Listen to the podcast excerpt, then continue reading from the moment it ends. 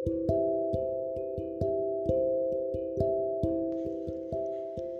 bukan tidak peka, tapi dia hanya berpura-pura. Bukannya tidak peka atau tidak tahu sama sekali. Padahal dia sangat-sangat mengetahui itu semua. Dia sangat merasakan kode-kode dan perhatian-perhatian kecil yang diberikannya.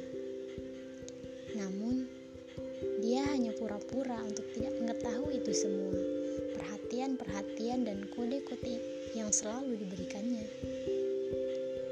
Dia hanya ingin menjaga dirinya.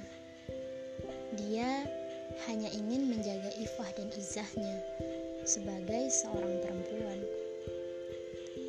Dia hanya tidak ingin terbawa perasaan yang lebih dalam lagi. iya, dikarenakan ia takut sangat amat takut sekali. Ia hanya ingin mencoba untuk menjadi wanita yang lebih baik lagi. Oleh karena itu, ia terus berpura-pura tidak peka dan tidak mengetahui itu semua.